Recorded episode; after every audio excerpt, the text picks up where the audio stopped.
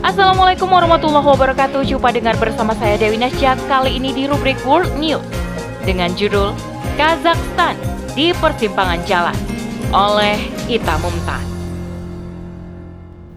Kazakhstan memang negara strategis dengan kekayaan alam yang berlimpah. Di antaranya, menjadi negara produsen uranium terbesar di dunia yang merupakan bahan bakar pembangkit listrik tenaga nuklir.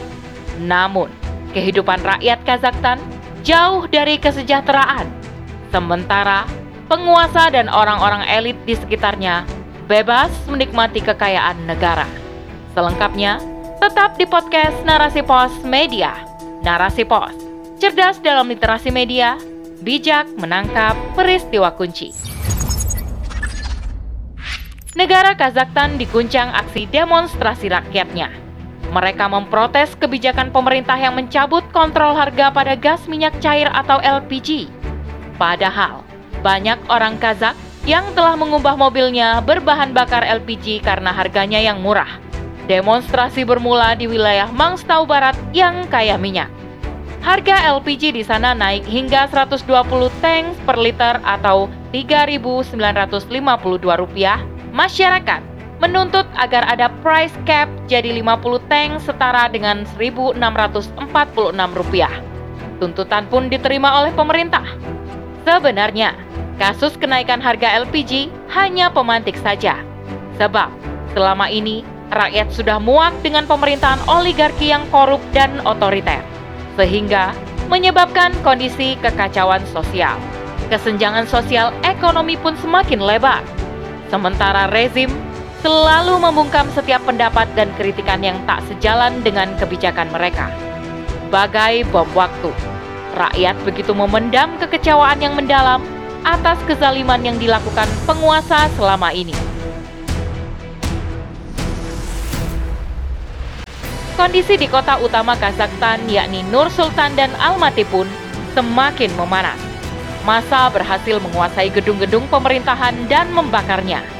Penjarahan tak terelakkan lagi, terjadi di mana-mana. Presiden Kazakhstan Kasim Jomart Tokayev menetapkan status darurat hingga tanggal 19 Januari atas situasi mencekam ini. Pasukan keamanan menembak masa aksi demo atas perintah Tokayev. Jam malam juga diberlakukan. Bahkan jaringan internet diputus Hingga Ahad 9 Januari 2022, jumlah korban tewas mencapai 164 orang dan 5.800 orang ditahan kepolisian. Tragedi berdarah di Kazakhstan menjadi sorotan dunia terutama Rusia dan Cina. Kazakhstan adalah negara bekas jajahan Uni Soviet yang saat ini berada dalam lingkaran kekuasaan Rusia. Maka, Organisasi Pakta Keamanan Kolektif atau CSTO yang merupakan pasukan aliansi keamanan pimpinan Rusia segera dikirimkan.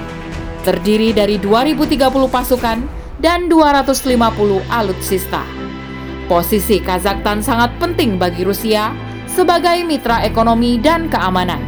Di Kazakhstan juga dibangun bandar antariksa milik Rusia. Maka wajar jika negara yang pernah menjadi superpower dunia itu harus turut berupaya menjaga stabilitas keamanan di Kazakhstan. Cina yang berada di timur Kazakhstan sangat mendukung langkah Rusia yang mengirimkan pasukan militer guna membantu pemulihan kondisi akibat kerusuhan. Tak kalah langkah, Cina juga bersiap menjadi yang terdepan untuk membantu pemulihan keamanan di Kazakhstan. Sebab bagi Cina, Kazakhstan bagai gesper dalam proyek Belt and Road Cina Posisi Kazakhstan begitu strategis untuk menghubungkan Cina dengan pasar besar di Asia Selatan. Juga menjadi jembatan menuju pasar Rusia dan Eropa yang sedang mengalami perkembangan pesat, yakni jalur perdagangan darat lewat jalan kereta api dan pelabuhan laut Kaspia yang melewati Kazakhstan.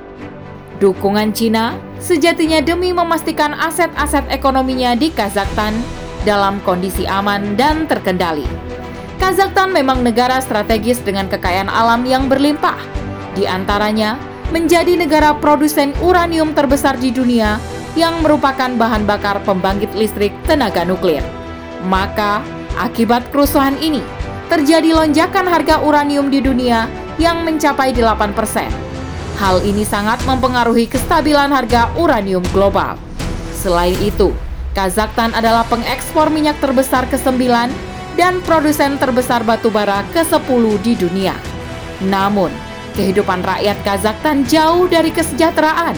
Separuh dari penduduk Kazakhstan tinggal di pedesaan dengan kondisi ekonomi di bawah standar. Sebanyak satu juta dari 19 juta jumlah penduduk Kazakhstan berada di bawah garis kemiskinan sementara penguasa dan orang-orang elit di sekitarnya bebas menikmati kekayaan negara. Harta negara hanya beredar pada kalangan mereka, yaitu segelintir penguasa yang bertahan hingga tiga dekade, yaitu Nazarbayev. Pada tahun 2019, Nazarbayev memang mengundurkan diri dan digantikan oleh Kasim Jomart Tokayev. Namun, sebenarnya Nazarbayev lah yang memainkan peran terbesar dalam pemerintahan selama ini rakyat sudah lama disuguhi kesewenang-wenangan di depan mata. Maka, ketika ada pemicu dan kesempatan, sontak rakyat turun ke jalan menuntut perubahan. Situasi di Kazakhstan mengundang perhatian dunia sekaligus mengingatkan kaum muslimin bahwa saat ini umat Islam berada dalam kondisi dilematis. Hanya ada dua pilihan bagi muslim Kazakhstan, larut dalam kegelapan dan kezaliman penguasa atau bangkit mencari cahaya kemenangan Islam. Selama ini, mereka terbuai dengan harapan semu dari upaya pergantian pemimpin. Namun, ternyata keinginan mulia itu tak bisa terwujud. Duduknya Tokayev di kursi kekuasaan ternyata tak mampu membawa perubahan apa pun. Rakyat yang melakukan amar ma'ruf menyampaikan suaranya dilabeli dengan sebutan teroris. Negara asing dengan segala kerakusannya begitu mudah melakukan intervensi bak pahlawan penolong. Atas nama penegakan hak asasi manusia, Amerika Serikat pun masuk menunjukkan taringnya. Kazakhstan berada di antara dua kekuatan besar adidaya dunia, pengusung ideologi kapitalisme dan sosialisme komunisme. Keduanya begitu ambisi menguasai kekayaan alam Kazakhstan dengan memasang penguasa boneka. Rezim Ruwaibidah telah memegang kekuasaan di negara Virgin Land itu. Kepentingan rakyat tak lagi menjadi agenda utama. Penguasa boneka lebih mengutamakan kepentingan asing untuk memperkaya diri dan dinastinya. Selama negara asing masih menancapkan kuku-kukunya di bumi Islam itu, maka Kazakhstan akan tetap berada dalam hegemoni mereka. Padahal, sejarah Kazakhstan tak bisa dilepaskan dari akidah dan kultur Islam. Sejak abad ke-8 Masehi, bangsa Kazak telah mengenal Islam. Mereka hidup dalam suasana Islam hingga berabad-abad. Kemudian, datanglah Uni Soviet mengobrak-abrik keindahannya. Namun, kekuatan ideologi Islam yang dipegang teguh oleh Muslim Kazak tak mampu memusnahkan tauhid dalam dada-dada mereka. Semangat Islam tetap membara meski sempat berupaya dimusnahkan oleh ideologi komunisme. Saatnya bangsa Kazak kembali bangkit dengan ideologi Islam. Kekayaan alam berlimpah yang belum tersentuh asing harus segera disadari oleh pemilik sejatinya, yakni rakyat Kazakhstan. Hanya dengan ideologi Islam, kekayaan alam bisa dimanfaatkan rakyat dengan tata kelola berdasar syariat Islam yang adil dan penuh keberkahan. Energi dan potensi Muslim Kazakhstan harus dipersatukan dengan keimanan ideologis kaum muslimin di seluruh dunia agar mampu melawan tirani rezim.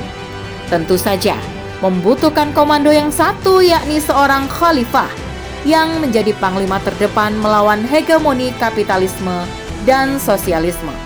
Wallahu a'lam bishawab. Demikian rubrik World News kali ini. Sampai bertemu di rubrik World News selanjutnya.